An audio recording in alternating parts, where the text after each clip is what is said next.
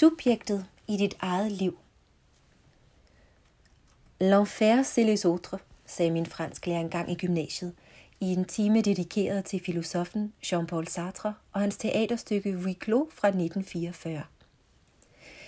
Jeg glemmer det aldrig, for lige der forstod jeg noget om det at blive set i andres øjne, med deres øjne og med alle deres forestillinger om rigtigt og forkert. Noget om at blive målt og vejet af andre.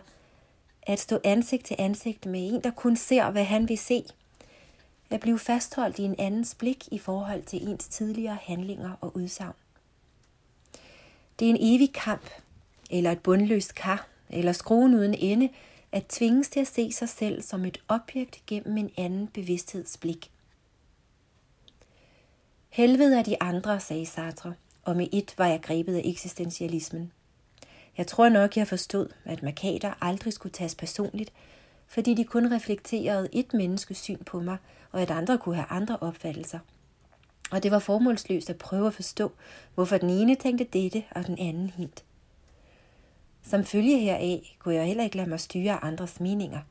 Jeg måtte nødvendigvis være tro mod mig selv og styre mig selv indefra og ud. Faktisk er det en kilde til evig lidelse at søge andres anerkendelse for at føle sig værdsat, og det er den diametrale modpol samtidig insisterer på at følge hjertets stemme. Der skal træffes et valg.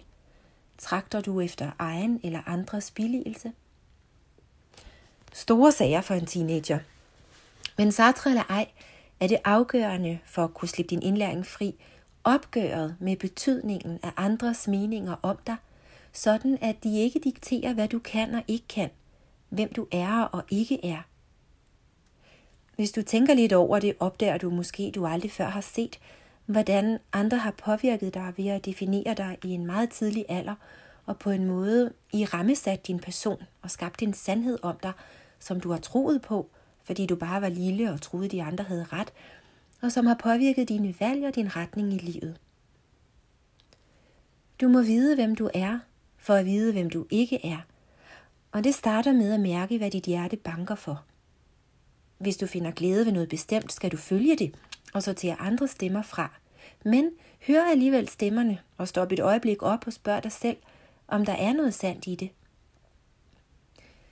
Det kan tage tid at rydde op i mange gamle overbevisninger, der er blevet til af andre, men det er en øjeblikkelig og umiddelbar fryd at erstatte dem med din egen sandhed. Jeg vil måske tilføje, at helvede også godt kan være os selv, når vores store egoer forventer og forlanger resultater.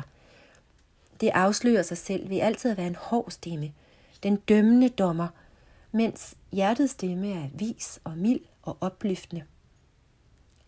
At sætte sin indlæring fri handler derfor i høj grad om skridt for skridt at vælge de kærlige valg, som sætter os fri af de egoistiske valg og åbner hver vort unikke bur af usandheder omkring os. Dette er nøglen til vidderlig at kunne sige, min overbevisning og min indlæring er dikteret af mig og ikke af andre. For når du forvandler de tidligere automatiserede tanker og reaktioner, vælger du en anden vej. Din sande naturs vej. Dit hjertes vej.